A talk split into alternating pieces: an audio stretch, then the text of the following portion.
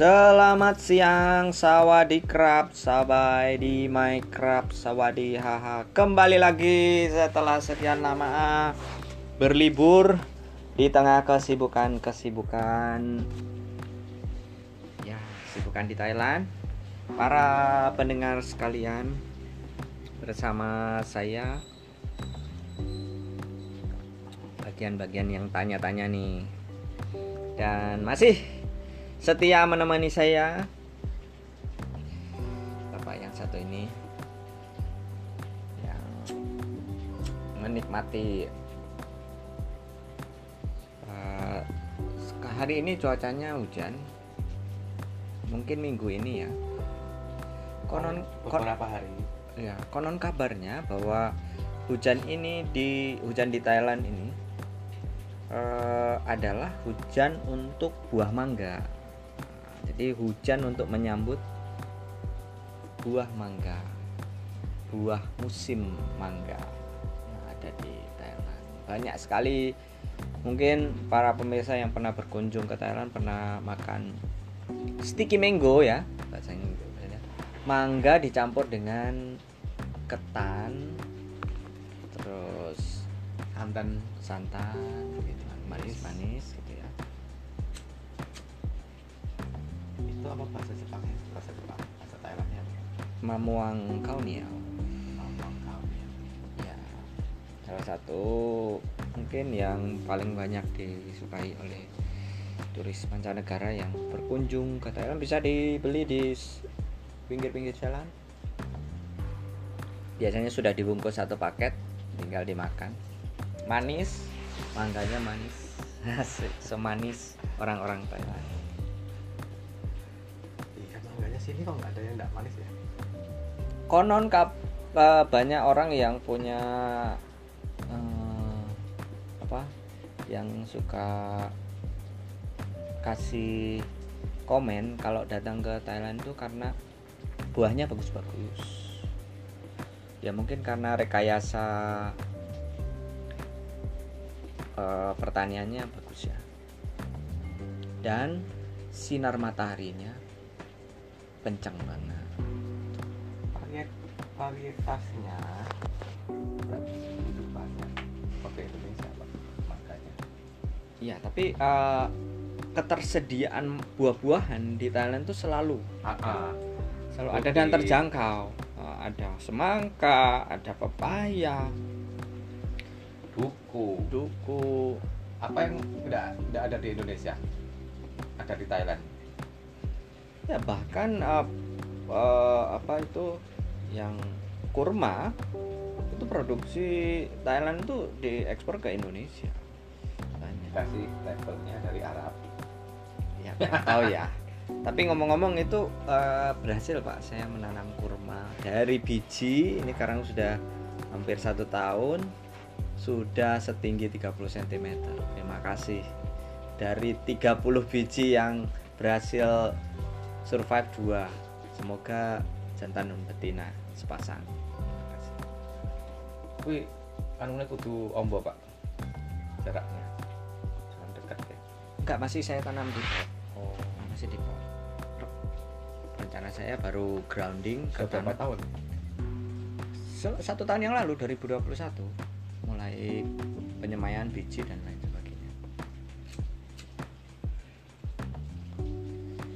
ya begitulah. Ya karena cuaca bagus ya semuanya mukjizat dari Tuhan. Menanam menurut saya pak ya. Menanam sayur-sayuran buah-buahan dan lain sebagainya. Saya hitung-hitung rata-rata itu 50% dari tanaman yang saya tanam itu tumbuh. Kalau saya beli bibit 4 dua yang ya lima tangane sampai itu terkait pak ya. Ada kepercayaan gitu mm -mm. apa istilahnya tangan basah apa tangan dingin. Tangan dingin apa nah, jadi kalau menanam itu tumbuh. Sebenarnya itu tidak tidak tumbuh-tumbuh ya orang nanam oh, oh. sebenarnya itu betul betul. Maksudnya itu lebih ke perawatan menurut saya. Bagaimana merawat? Karena kalau tanaman di rawat dari kecil terus ada perawatan yang konsisten ada komitmen untuk merawatnya ada tanggung jawab. Nah di situ ada perasaan touch dengan apa sentuhan dengan tanaman itu itu tanaman akan kayak komunikasi tanaman akan memberi kasih kembali gitu pada manusia. Utama untuk tanaman-tanaman yang perlu perhatian khusus seperti sayuran, cabai, tomat. Ada juga tanaman yang kita biarin aja dia tumbuh sendiri tumbuh sendiri. contohnya ya rumput ilalang seperti itu. Terus apa itu? Lidah buaya hmm. luar biasa lidah buaya atau kaktus. Kaktus itu juga lucu pak. Jadi kaktus itu dia nanti kalau udah ada tunasnya, ada Iya. anakannya, Betul. anakannya jatuh, betul betul, betul. dia tumbuh lagi. tumbuh lagi Luar biasa. demikian juga eh, lidah buaya lidah buaya itu selalu menumbuhkan bayi bayi baru ada jenis seperti itu mungkin yang lain adalah eh, buah pisang buah pisang itu sebelum dia eh, setelah dia berbuah dia akan menghasilkan satu atau dua bayi pisang. Nah ada di pinggir kolam itu ceritanya kan dibersihin tuh kolamnya. Terus nggak bisa lewat traktornya. Nah ak- akhirnya pisangnya dipotong. Tumbuh lagi loh pak. Tumbuh lagi. Selama masih ada akar tumbuh lagi dia. Padahal dipotong udah. Berkali-kali dua kali itu mobil mau lewat ditabrak. Tumbuh lagi. tumbuh lagi. Traktor mau lewat ditabrak tumbuh lagi sekarang. Sekarang udah 2 meter.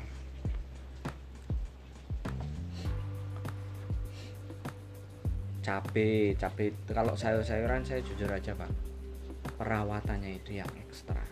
Air ngobati apa maksudnya mupuk setiap minggu. Memang hasilnya bagus cuma memang perawatannya itu harus ekstra. Berbeda dengan apa? Nah ini perlu di antigen ini. Aman aman aman? Aman toh. ya para pemirsa sekalian Omicron di Thailand mulai grafik naik. Banyak orang yang sudah terkapar di rumah sakit sampai dikabarkan rumah sakit sudah penuh pak Iya. di beberapa tempat tuh sakit udah penuh Lonjakannya juga udah 30 ribu. Hmm. Kasus hariannya naik. Indonesia kasus hariannya 400. ya jadi ya harus waspada jaga kesehatan ya kalau ini antigen sendiri Ikannya mahal ini 100 bat, 90 bat. Oh, ini 120. Eh, ini iya, berapa 90. harganya harganya cek antigen ini 90. Nggak sebut saya sebut mereknya ya pokoknya COVID-19 antigen tes kaset ini harganya berapa 90 bat. harga 90 baht kalau dirupiahkan mungkin 46. sekitar 40 ribu lah. 40-an ribu ya isi berapa Satu. Hmm. Jadi setelah digunakan eh, udah selesai. Selesai buat. Nah hasilnya difoto kemudian dikirimkan ke kantor. Iya sebelum masuk. Bekerja.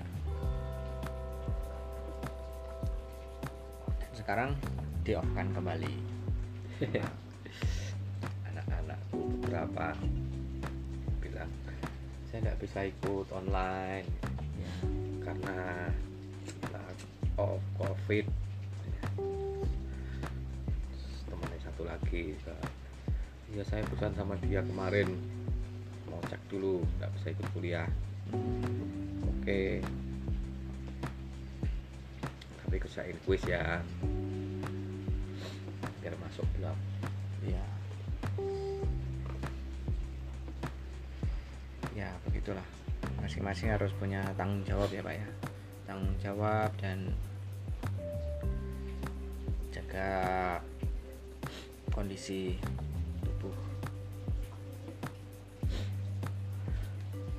Ya ini adalah yang mau ngomong tentang tadi bahwa menanam itu menanam sesuatu yang baik tuh. Itu adalah menanam sesuatu yang baik itu harus ada campur tangan Tuhan. Ini ngomongin masalah iyalah kok mas katanya mas bisa hidup di sana. Ada nggak orang nanam di Mars tuh? Ya sampai sekarang belum. Belum ada yang berhasil. Nah, kalau oh, Pak, masih dalam bentuk penelitian di, di planet Mars ya? Oh, ada. Kalau manusia mau pindah ke sana mana makannya? Kambingnya ya makan rumput kan saya pikir kalau misalnya terakhir saya dengar itu ada bisa tumbuh lumut gitu, dan ada air. Nah kalau ada air kan ada kehidupan. Seperti itu ada air ya ya? Hmm, ditemukan ada sumber mata air. Jadi orang di sana nggak ngambang mbak ada nggak ada ada gravitasinya juga? Saya kurang tahu ya mungkin ada gravitasi seperti mirip-mirip bumi. Ya tapi kemungkinan bisa ditumbuhi semacam tanaman lah lumut mungkin. Mungkin awalnya lumut. Nah, baru kan ada mikroorganisme. Saya pikir seperti itu. Karena kalau membuat tanah itu memang tanah subur ya butuh proses yang nggak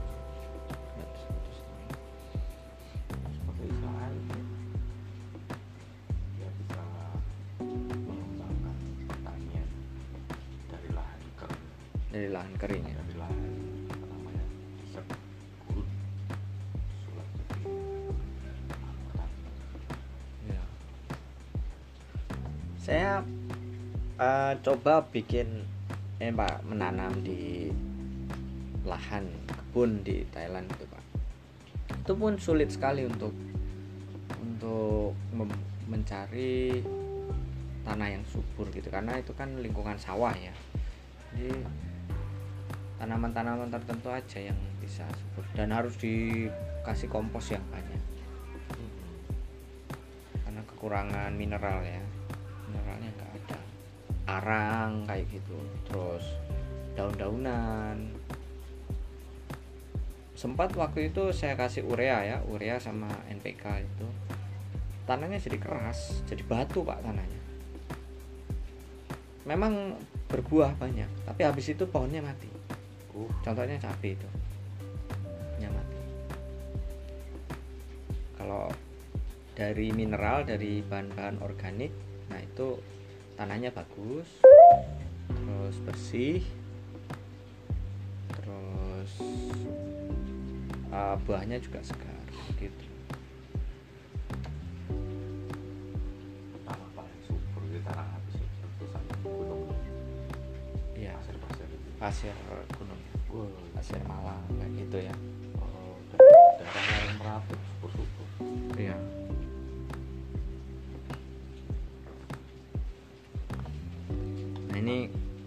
masalah tanam menanam nih saya mau tanya-tanya tentang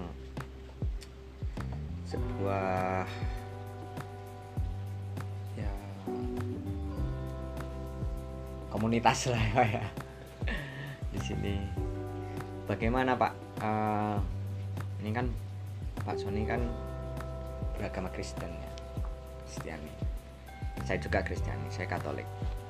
Eh, kehidupan bagaimana sebagai seorang eh, penganut Kristiani berada di Thailand ini Pak? Apakah bisa melaksanakan kegiatan ibadah dengan baik atau ada merasa terhalang-halangi? Dan saya juga mau tanya bagaimana kehidupan orang Kristiani di terutama di Pitsanulok menurut pandangan Pak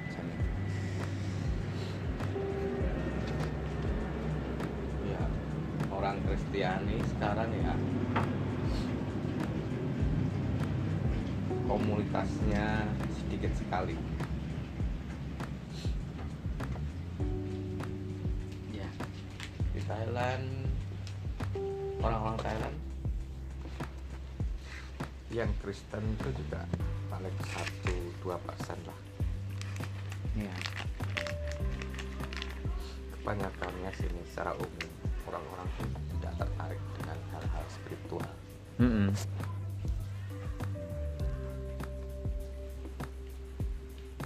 Orang lokalnya sendiri. ya mereka Buddhis Hmm. tapi itu menjalankan praktek spiritualis semuanya mereka itu tidak tidak seperti orang muslim atau kristen Hmm. ibadahnya kurang lah Hmm. paling sekali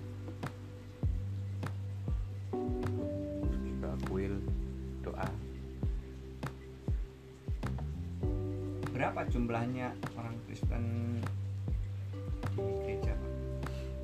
kalau Yang lokal ya, yang lokal.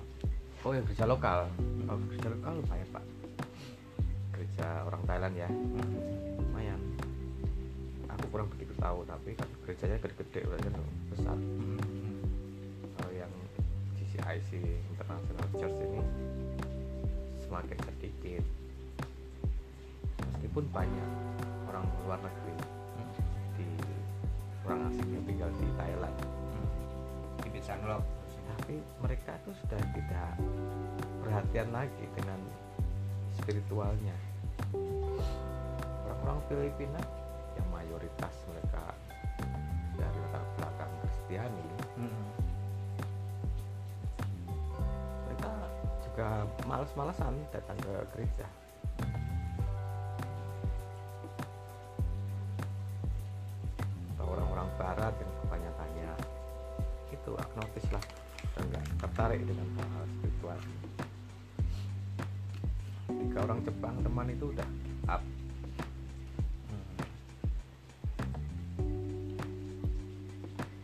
Pernah ke gereja bersama orang lokal yang penganut Kristen Pak? pernah Hmm. kalau ada undangan ke Mother Church kita kan punya Mother Church-nya KK Church istilahnya. Hmm. kita kenapa kita diundang sana ibadah pakai bahasa Thailand Ibadah dengan pakai bahasa Thailand. terus nanti ada disediakan Pujian-pujiannya? iya bahasa Thailand terus ada penerjemahnya bahasa Inggris Hmm. Kalau pujian gitu biasanya mereka kasih uh, subtitle bahasa Inggris Hmm. Supaya bisa diikuti oleh orang asing Kristen. ya, paling banyak lah sekitar 50-an jemaat yang international church Hmm. banyak kan didominasi oleh orang-orang dari Filipina Indonesia cuma satu Hmm. Bu Sherly udah jarang Kata orang Filipina atau orang Amerika Hmm.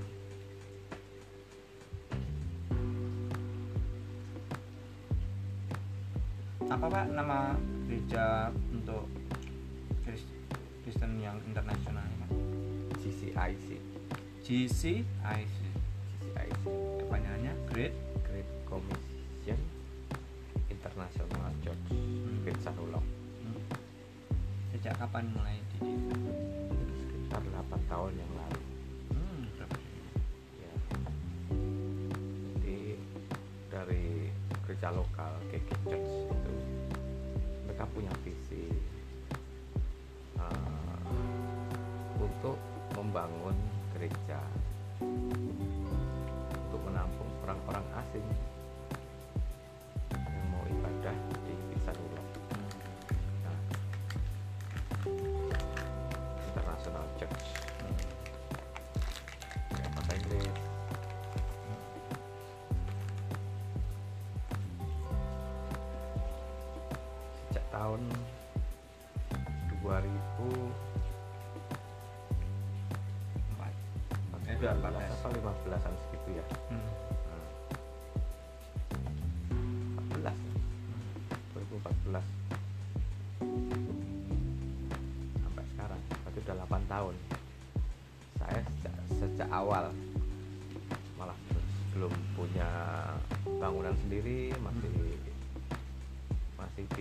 kecil gitu.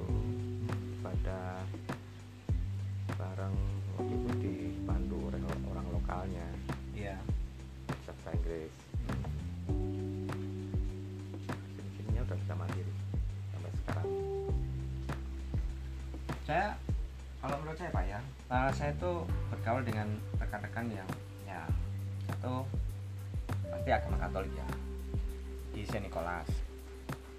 Kemudian saya pernah juga ke gereja Kristen yang The Vision itu loh Vision Church yang ada di dekat jembatan. Nah, lalu ada gereja evangelis. Mana itu. Kalau nggak salah di Kapeng Pet. Itu juga eh betul nggak ya? Yang yang itulah pokoknya ya, kebanyakan juga dari teman-teman atau gereja yang di Padunglat ini ada lagi baptis baptis church. Di? di? Plan sana. Oh, gitu. ya itu mungkin ya. Kalau Katolik cuma satu ya baptis church ya, Pak? Hmm, mungkin ada di Kauko. Satu di Kauko. Oh iya. Kalau nggak salah kan yang di Kauko itu susteran. Khusus untuk suster-suster. Dan asrama biasanya. Ke Kauko itu jadi kita lewat itu ada salib besar putih. Ya betul. Itu sebelah kiri. Sebelah kiri kan? Kalau dari sini kiri apa kanan? Kiri dong. Gitu. Nah. Nah, memang kalau di gereja Katolik ya di Saint Nicholas itu eh, jumlah penduduk lokalnya juga lumayan banyak penuh lah gitu di dalam gereja itu. Cuma ya memang eh, dari keluarga-keluarga itu saja. Iya.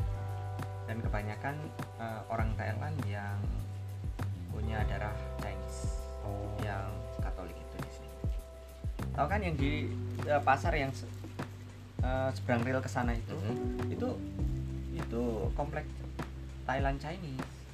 Terus pokoknya sekitar rel yang pasar ke sini pak, yang jualan listrik, jualan apa, jualan pasar itu, Katolik. komplek eh, bisa- eh, Thailand yang Chinese itu, yang sampai jualan emas itu, Mhm. itu sampai rel kereta api itu yang depan daerah-daerah eh, stasiun kereta api itu Chinese Thailand. orang China itu menguasai Sehingga lokasi strategis sehingga lihat banyak lampion-lampion setiap tahun baru Imlek kan 31 kemarin kan itu kan dihiasi lampion-lampion tetap aja perekonomiannya berdarah. Dan mereka beragama Katolik. Oh ya, ya. terus apa keturunan keturunannya sampai anak tapi ada satu hal yang saya lihat kalau di Katolik Pak ya. Itu remajanya sedikit. Bahkan tidak ada Pak. Jadi ada gap gitu Pak. Orang tua orang tua sampai yang sepuh sepuh biasanya duduk di depan gitu, yang kakek kakek gitu.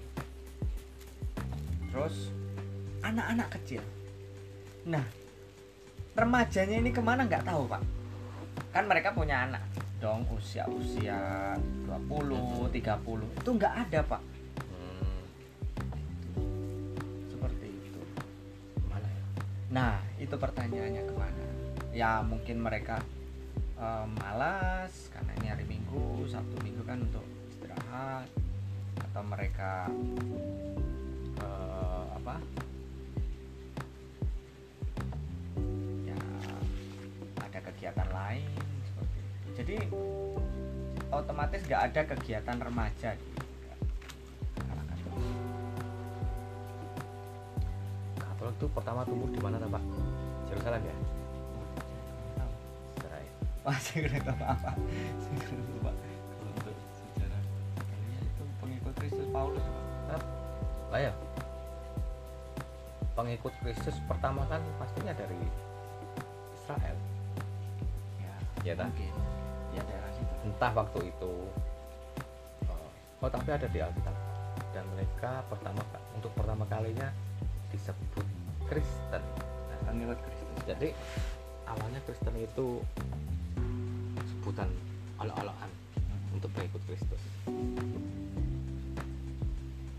Karena orang Yahudi kan menolak Judaisme menolak menolak Kristus.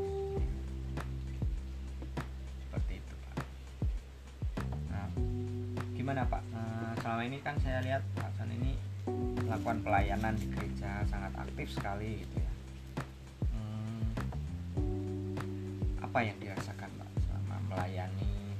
pelayan ya yang setia. Untuk melayani dalam pelayanan rohani apa motivasi bapak sehingga punya kekuatan energi untuk melayani? Saya senang memuji Tuhan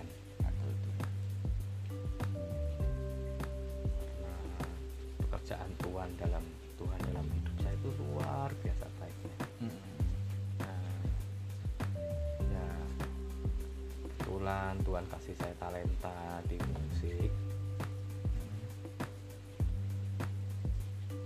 Saya gunakan talenta ini untuk melayani Tuhan setiap minggu setiap ibadah sebagai pemain musik keyboard gitar. Pada dasarnya suka dulu pak. Waktu sejak kapan pak mulai mulai aktif dalam pelayanan eh, di bagian musik ini pak? Musik gereja musik gereja itu sejak SMA sejak SMA tuh udah mulai pegang-pegang keyboard di gereja ngiringi setiap minggu di Sumatera Sumatera Selatan. Iya saya lihat kalau pak Sony udah di depan keyboard itu suasana itu udah syahdu saja. Sudah, sudah bawaannya rohani aja. Nah itu belajar dari mana pak? Saya tidak pernah belajar pak nggak tahu saya itu. Otodidak ini berarti. iya. Awal mula kok ada keyboard apa ada keyboard di rumah sehingga bisa? Tidak ada. Nggak ada? Tidak ada. Tapi waktu saya itu sekitar SMP ya. Enggak SMP lah SD kalau nggak salah. Iya, SD nah dari Blitar ke Sumatera Selatan itu sering kita ke Salatiga nah aku ingat sekali itu ibuku atau bapakku tuh beliin aku Casio. Oh, Casio piano kecil mini gitu loh. Nah wah aku senengku pak. Wes, itu aja yang aku buat mainan. Jadi portable kecil gini. Oh. itu ada ritmenya kayak keyboard tapi Casio deh.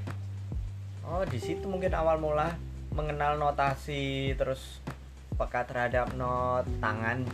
Tangan bisa tahu ak akord gitu. Udah tahu akord? Chord udah tahu belum pak melodi oh baru Ah, tangting tangting tung gitu ya. ah, kan itu nggak bisa dibuat akord melodi dan chord nah tapi chordnya sudah chord, chord otomatis itu loh C G gitu Oh kecil paling juga 30 cm. Nah itulah dari situ tuh saya eh, main-main sendiri. Terus ada harmonika waktu kecil juga. Ya. Harmonika, suling suling belum ada masih harmonika. Pernah dibeliin gitar sama ibuku. Baru beli patah jatuh.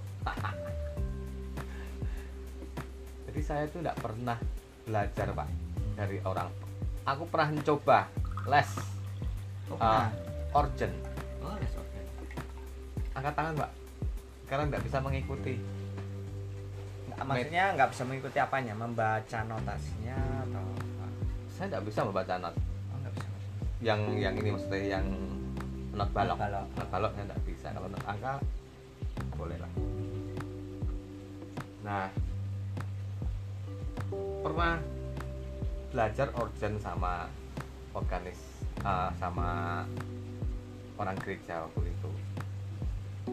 Saya tidak bisa ngikuti cara dia bermain, s- apa ya tekniknya dia. Hmm. Aku bisa main ya dengan caraku sendiri.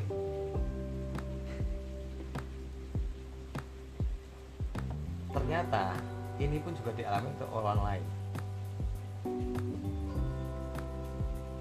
Mereka suruh niru seorang nggak bisa 100% sama.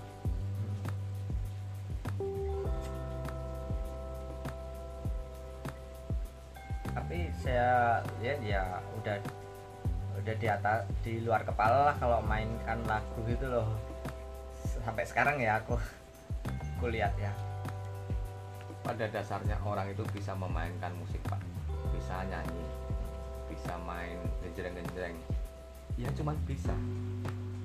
Tapi kebanyakannya orang itu tidak punya sense of music. Di saat dia tahu kunci G, kunci C, D bisa mainkan gitar. Tapi kapan ini pindahnya? Kalau ada lagu ini kadang-kadang sense of musicnya kurang. Makanya satu-satunya fals atau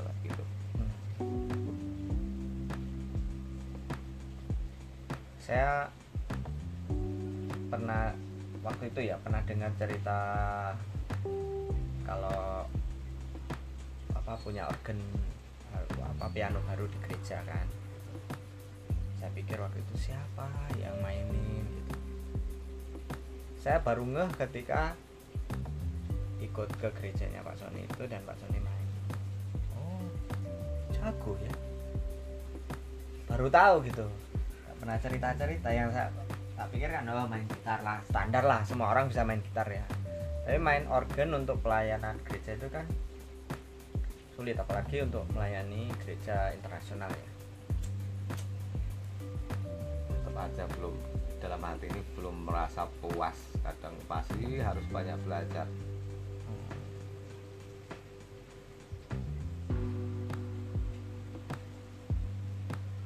Nah, sekarang, orang yang sekarang kan udah ada tim. Tim musik ini pak. Gimana pak? Di musiknya playernya kurang. Kurang ya? Apa cuma yang aktif dua. Bulan kali tambah satu tiga. Ah, iya. bulan kali. Pemain cadangan itu pak. Ada lagi yang apa ya cabutan. Nah istilahnya tuh kalau misalnya ada ada pemain cabutan. ada namanya tuh. Pemain cadangan. Ada yang ingin main dia bisa tapi ingin main ya kita cabut aja. Kayak besok tuh ada orang Thailand pak. Heeh. lokal Thailand cewek nah Nicholas ini dia bisa piano. Oh, nah tolong. Mau enggak mainin lagu.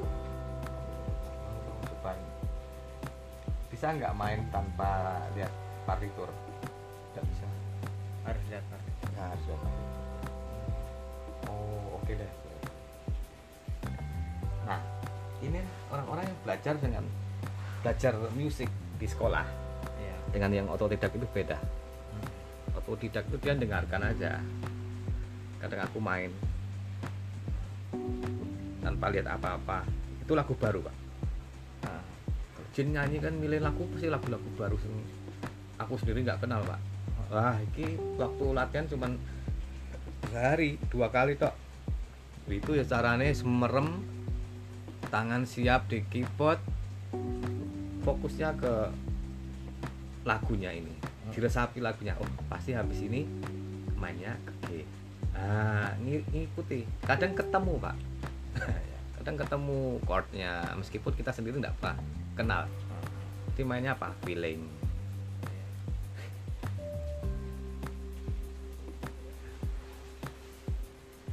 nah kalau yang belajar di sekolah dia tanpa partitur susah pak. Main game nggak bisa. Menurut Pak menurut bapak itu mana yang lebih baik Pak? dua-duanya baik. Dua-duanya baik. Satu tapi tergantung partitur harus ada partitur. Iya. Tapi untuk yang otodidak Kak, ketika dikasih partitur nggak tahu. Oh, oh, gimana? Yang otodidak malah nggak ngerti partitur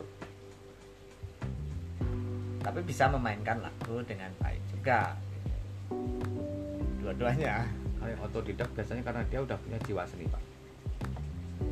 Udah punya jiwa seni sendiri. Nah yang sekolah kadang dia nggak punya jiwa seni tapi karena dia sekolah belajar karena dia disi- ada disiplin yang dia tekuni gitu ya. Heeh. jadi terampil sih ya. ya kayak orang Indonesia belajar bahasa Inggris yang bukan bahasanya dia. Akhirnya kan bisa beda dengan yang lahir di Inggris terus ibunya berbahasa Inggris gitu ya. Setiap hari ngomong bahasa Inggris. Jadi intinya itu adalah latihan ya pak ya? Ah intinya adalah latihan sebenarnya. Latihan betul pak. Latihan. latihan itu yang bikin kita itu matang ketika ketika tampil. Latihannya leta-lete nanti waktu show juga bikin malu orang Betul. Saya kalau saya perasaan saya nggak percaya diri waktu tampil. Sengaja aku kecilin volumenya. Sengaja kecilin volumenya karena aku nggak percaya diri dan nggak tahu lagunya. Kalau sudah tahu lagunya, beberapa kali pernah memainkan, aku berani kencengin volumenya. Percaya diri.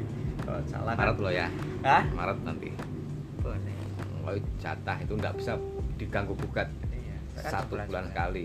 nah Gimana menurut Bapak permainan saya? wah bagus sekali Aduh, Pak. jangan dipuji lah pasnya saya saya tidak kan. muji tapi saya dengarkan memang baik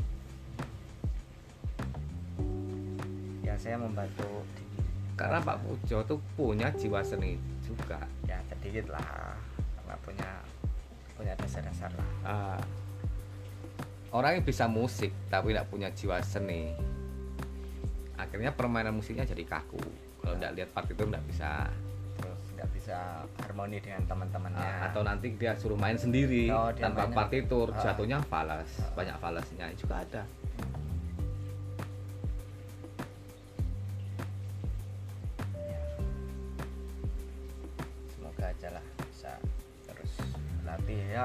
intinya berlatih. Ya lihat eh, video-video tentang cara mainnya gimana gitu. ya besok lagi tolong volumenya agak dibesarkan Oh, volumenya gitu besar kan. Ah. Lagi main bass itu kuncinya di bass ya sebenarnya Fondasinya ya, fondasi Ah, fondasinya. fondasi untuk sebuah band ya. untuk menampilkan aura lagu ya, Agung, lebih environment, megah. ah, pakai bass nggak ada bass akhirnya cempreng pak jadi kalau saya coba pemain Treble ya jadinya. pemainnya cuma dua aku sama Sokoy. Kok itu nyekel bass aku keyboard. Jadi drumnya Kosong. kosong Padahal bass sama drum itu satu seiringan ya, Ah, saudara sekandung. Lah. dengan keyboard kan udah ada drumnya. Aku main sendiri pun udah bisa pakai keyboard. Tambah Suaranya kurang organik lah. asik itu kalau lengkap Komplit, ada Pak komplit. Pujo Aduh. drummernya main gitarnya main nah nanti kan ada gitarnya ada keyboardnya ada bassnya ada ada Ada pemain pianonya Chris. Christine Pak Oke. belum ada leadnya sih pak kalau enggak saya Iya, leadnya tetap Pak Sony di Ah, piano. ah. jadi aku mau minta tolong si Christine coba kamu ngelit ini ya. Mas angkat tangan deh. Mau masuk intro enggak bisa?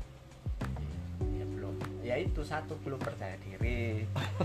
Terus belum terampil gitu juga. Eh, pernah dia angkat tangan pernah? Jadi menguas menguasai lagu. dia bagian jatai deknen organ nah, aku ngebas. Ah, nyanyi lagunya Jin Jin apa Rema gitu ya. Nah kayaknya Rema ya. Latihan berulang-ulang ndak jadi-jadi pak. Aku karena aku pengennya nyekel bass ya hmm. aku biarin deh tak jar kayak lah biar dia juga belajar. Belajar akhirnya nyerah. Terus punya Sony. Aku nyerah deh. Dia terus mau ngapain? Aku backup aja. Loh malah jadi backup. backing vokal oh backing vokal kali dua kali latihan jadi. Saya sukanya begini loh pak. Saya kan dengar contoh lagunya ya. Tapi kalau Pak Sony yang ngelit itu itu memberi kebebasan kepada para pemain yang lain untuk eh, nggak usah mengikuti yang sama persis nggak apa-apa. Iya. Yang penting apa ekspresikan harmoni cukup dan apa output keluar musiknya itu bisa membawa suasana eh, ya suasana rohani lah suasana syahdu gitu suasana eh, ceria suasana pujian gitu. Itu yang aku wah, enak gitu loh nyaman mainnya nyaman nggak harus persis sama dengan ini gitu. Aku sendiri merasa nyaman main sama uh, tim band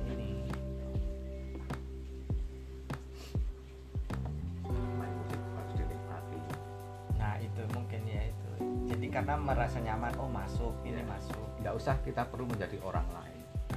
Ketika kita menyanyikan lagu orang lain tidak tidak perlu kita uh, mengikuti cara dia.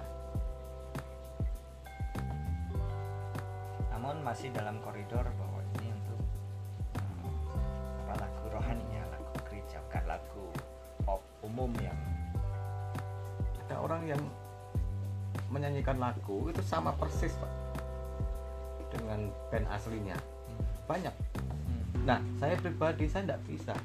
Hmm, Uh, dan malas mau niru orang. Iya, iya. kita pakai style sendiri aja. Itu yang selalu saya tekankan gereja udah pakai style kita aja. Menurut saya lagu rohani itu kan lagu uh, yang menghantarkan suasana untuk memuji pujian berdoa persembahan kepada Tuhan yang kita mainkan ini sudah membawa suasana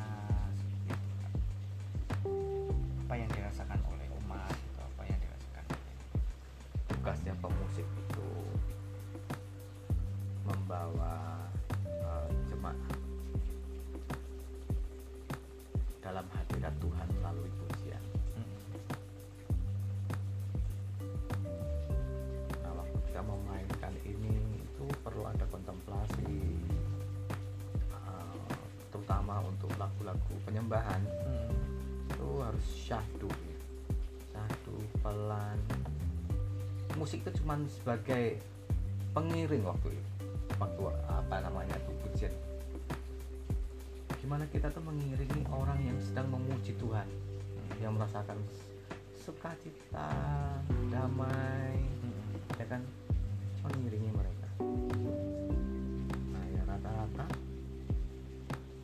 orang-orang ini merasa terberkati dengan pujian apa kaset musik hmm. walaupun terkadang ada beberapa minggu itu eh, ada yang ngerasa gagal ada yang ngerasa hancur Hmm. pujian ada sering kayak gitu Iya, Pak. iya. makanya pemusik dia kalau mau mau main Hmm. biasanya menyucikan diri. Ojo buat dosa. Meskipun tetap aja berdosa. Dosa. Maksudnya kenapa? Karena musik itu adalah bagian yang paling diincar oleh kuasa gelap untuk dihancurkan. Jadi setan-setan ini tidak mau kita merasakan hadirat Tuhan. Tidak mau dihancurkan pertama adalah pemusiknya Hmm, konsentrasinya hilang. Hmm, terus pemilihan lagu-lagu sulit. Hmm. nah macam-macam lah itu trik setan akhirnya ketika perasaan worship show itu jemaat tidak merasakan hadirat Tuhan. Hmm. jadi kayak ya nyanyi-nyanyi tapi blank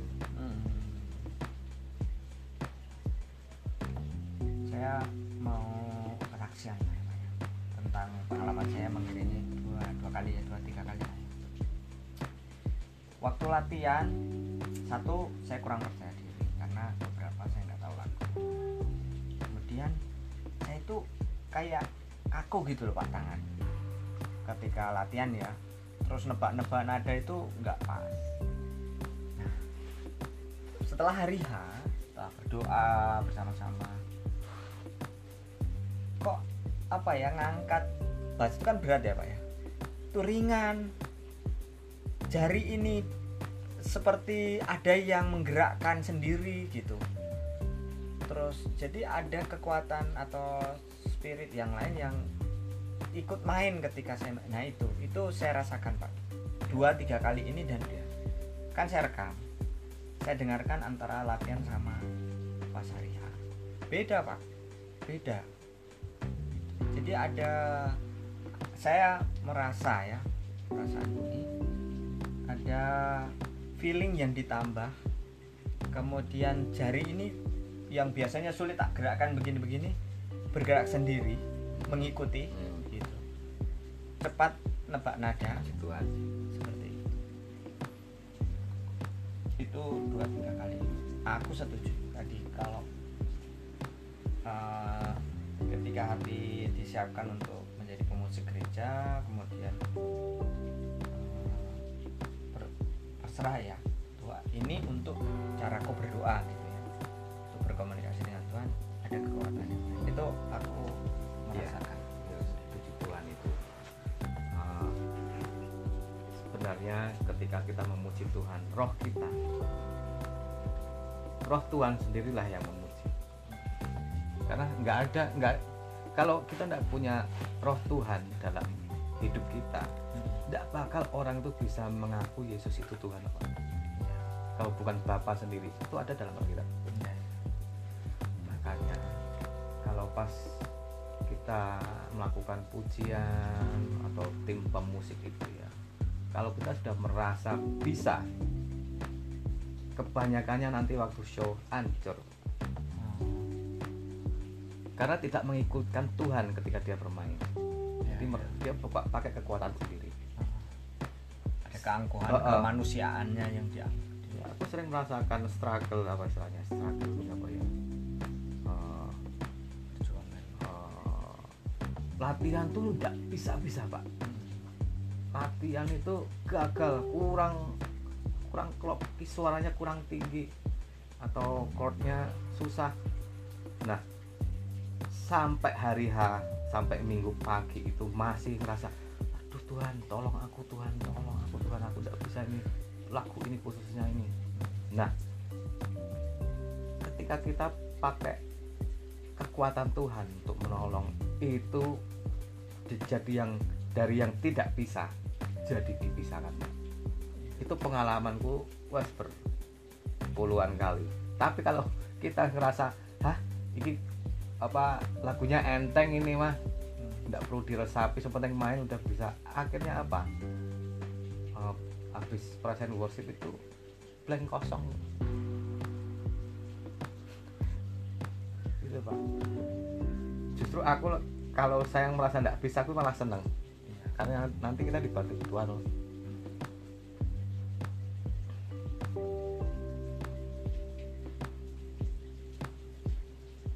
Saya suka kalau melihat umat gitu ketika kita sudah kita sedang main ikut bernyanyi ikut merasakan kehadiran Tuhan gitu. ada ada roh yang dan ada part-part tertentu pak ya ketika refrain atau apa itu bulu kuduk saya sampai merinding pak. Ketika praise and worship ya oh, sampai segini ya aura musik ini membuat Rasa ya? Heeh. itu hadirat Tuhan. Dan pas gitu apa harmoni antara keyboard drum bass sama penyanyinya itu harmoni itu luar biasa ya. Ini musik di gereja ini ya. Berbeda aku main band beda pak.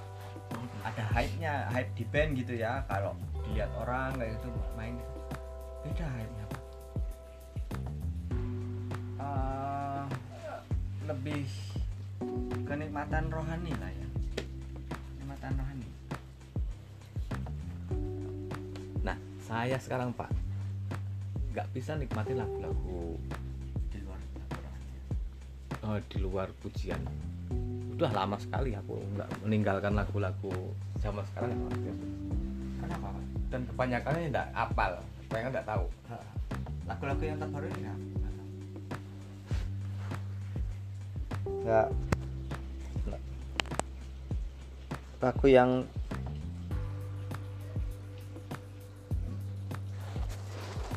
terbaru ini nggak nggak apa lagu-lagu yang masa kini gitu. Lagu pujian masih nggak lagu-lagu pop oh yang nggak lagu-lagu kenal Pak. lagu Indonesia Wah, gitu. sudah itu udah yang 100%. terakhir lah lagu Indonesia sebutkan lah. Nggak apa? tahu. Nggak lagu terakhir yang lagu Indonesia yang masih ingat apa contohnya? Bumerang. Bumerang lagu-lagunya Bumerang oke. Yang balas lah oke lawan balas lagu luar terakhir.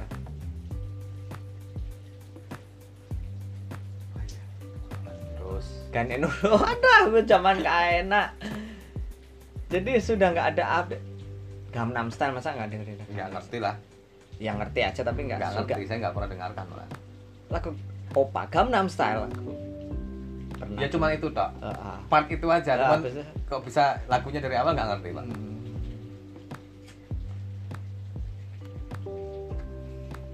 Berarti benar-benar musik rohani ini sudah masuk ya pak ya? Ke- Ya, karena musik-musik duniawi itu kan kadang dia tidak sesuai dengan firman Tuhan Lagunya Noah masa lagu Peter Pan, lagu Noah itu udah nggak dengerin lagi pak? Noah ya Noah Noah awal itu pak terpen Noah sekarang nggak tahu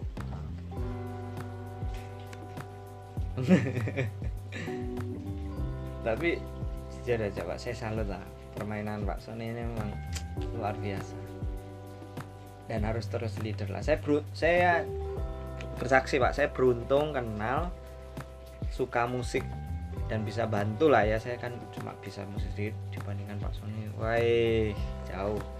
Pujo ini hati hati memberinya itu luar biasa apa hati memberi ya Ya, donasi sekeping donasi sekeping apa? ampli buat gereja Jangan ya bukan gereja Oh, oh, oh, oh, off the record, off the record, off the record, off the record. Tapi saya kiranya berkat Amin, amin. dicurahkan Amin. Tapi eh, jujur saya salut pak kemampuan skill bermain untuk musik rohani luar biasa itu. Itu saya sempat ngomong pak ini menghapus banyak dosa-dosa ini. ini sama orang-orang yang ini pak kan ada juga orang yang gandrungi sebuah band tertentu lagunya digandrungi. Mm, sama dengan gereja juga. Ada lagu-lagu itu kalau orang nyanyi lagu ini pasti nangis. Ya, Wah, pasti sukacita. Ada juga orang yang apa nyanyi lagu lagu duniawi sampai nangis nangis, nangis, nangis, ya, ada. karena punya pengalaman Ah. atau berimajinasi. tapi saya lebih suka saya menangis di kaki Tuhan daripada saya menangis di kaki perempuan atau di dalam apa eh, nangis pada dunia ini. Enggak ketika kita nangis bersyukur di kaki Tuhan. Kita nangis itu bukan sedih nangis itu karena "Oh, Tuhan kok kamu baik sekali? Hmm. buat hidup saya? Kebaikan kebaikan Tuhan. Lah buat apa kita nangis karena disakiti?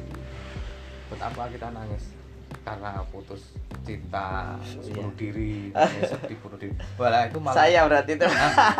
oh saya udah ada. Aku barusan bayangin lagu-lagunya Dewa. Putus hati. Patah hati ya putus cinta.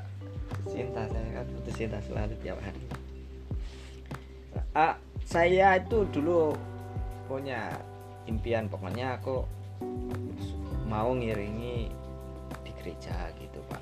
Mengiring musik di gereja apa pun ya gitu. Ini tuh tercapai nih. Tercapai. Ya bisa bantu sedikit. Gitu. senang senang. Masa apa talenta yang saya miliki ini berguna juga jangan lupa ya didengarkan tuh yang rooftop itu. Oh iya. Bawa ini yang itu rooftop. Iya. bassnya bagus yang bass yang lead ini saya kalau untuk lagu-lagu gereja sebenarnya saya suka lagu-lagu yang slow gitu pak lagu yang slow yang persembahan worship gitu. Ada dua lagu slow ketika mau selesai itu Hmm. biasanya dua lagu. Nah itu biasanya jadi pamungkasnya band ini pak bagus ya nah lagu, lagu pembukanya biasanya agak yang yang Ceria, agak ceria. Di- cepet gitunya Ah, ah. itu pengalaman yang luar biasa lah pengalaman lagu apa yang lagu Kristen apa yang masih diingat sekarang?